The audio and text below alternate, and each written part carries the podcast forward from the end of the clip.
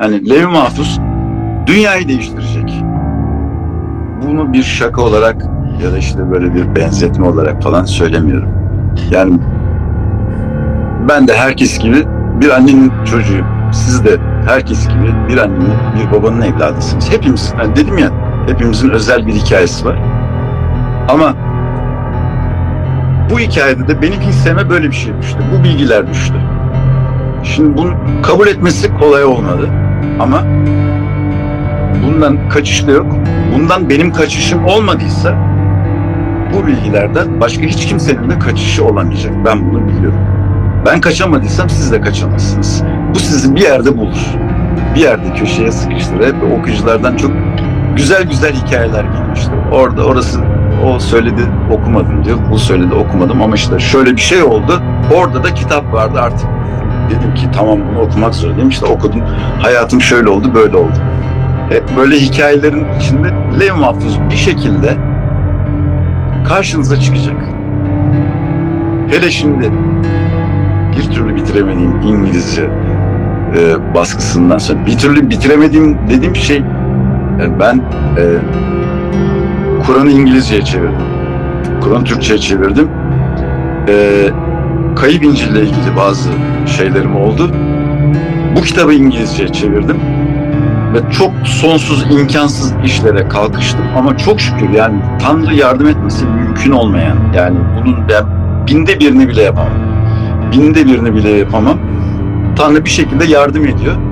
Yapıldı. Hele buradan sonraki süreçte bütün dünyayı değiştirecek olan bilgi şu an konuşmakta olduğumuz bilgi.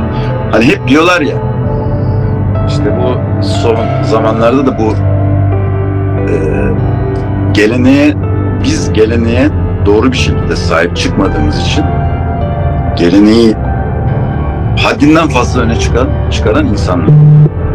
Bunları güzel yapanlar da var. Yani Osmanlı mirasımıza güzel bir şekilde sahip çıkan insanlar da var.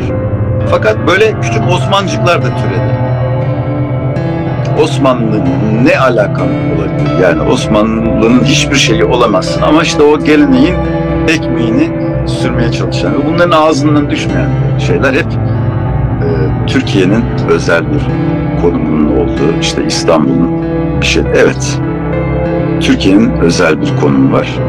Bu kitapta Türkiye'de çıktıysa bunun bir anlamı var. Bu kitabı e, İngiltere'de çıkartamazdınız. Amerika'da da çıkartamaz. Çünkü bu hikaye olmazdı. Doğu'nun ve Batı'nın birleştiği bir yer. Hani hep konuştuğumuz, hep konuşulan, söylenen Türkiye'nin özel durumu, tarih sahnesinde işte şimdi logo yapmışlar Türkiye'nin yüzyılı olacak. E Türkiye'nin yüzyılı olacak ama zannedildiği gibi yüzyılı, yüzyılı olmayacak.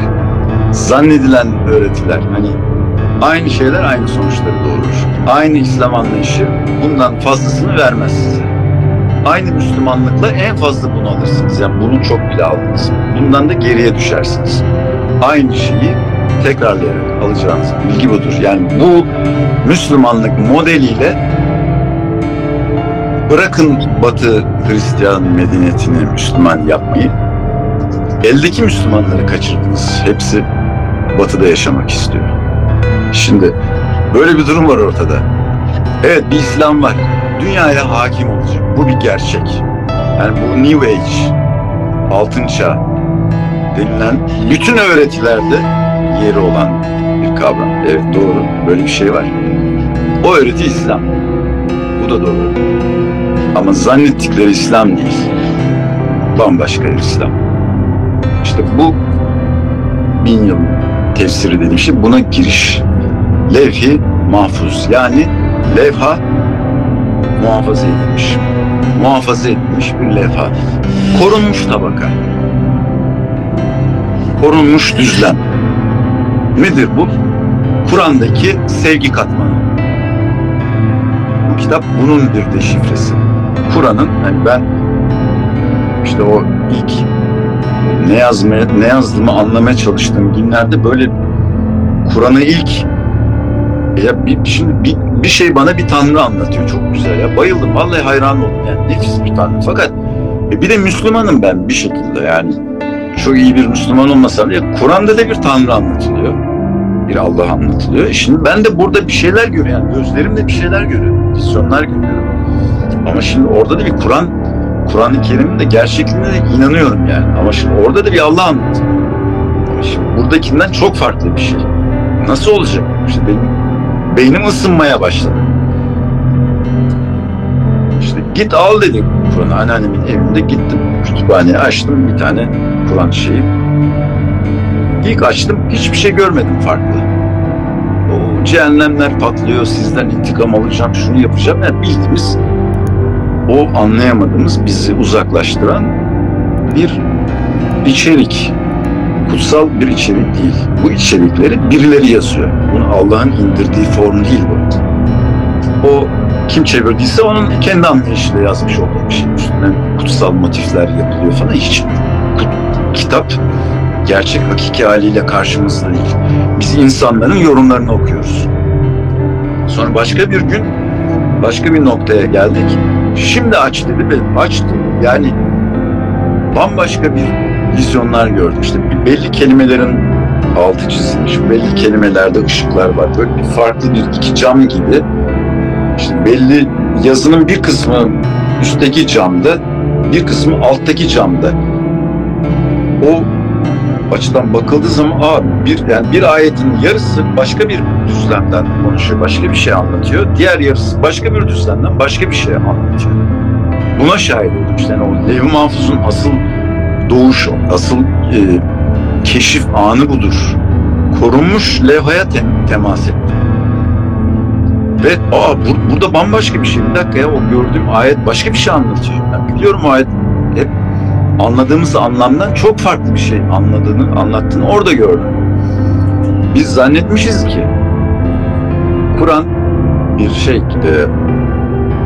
Hz. Musa'nın 10 emrinin uzatılmış versiyonu gibi böyle çiviyle çakılmış bir şey başlıyor böyle gidiyor. Uzun uzun versiyonu gibi. Böyle bir şey değil.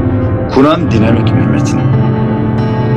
Bunun en e, temel... O, Allah her an şendedir. Yani Kur'an-ı Kerim'de her an şende olan bir şey, dinamik dolayısıyla stabil değil.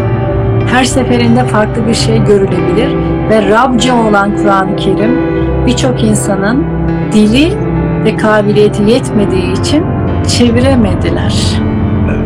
Rabce olan Kur'an-ı Kerim'i bilen, Rabce'yi bilen bir insanla karşılaşmadık galiba. Evet. evet. Şimdi e,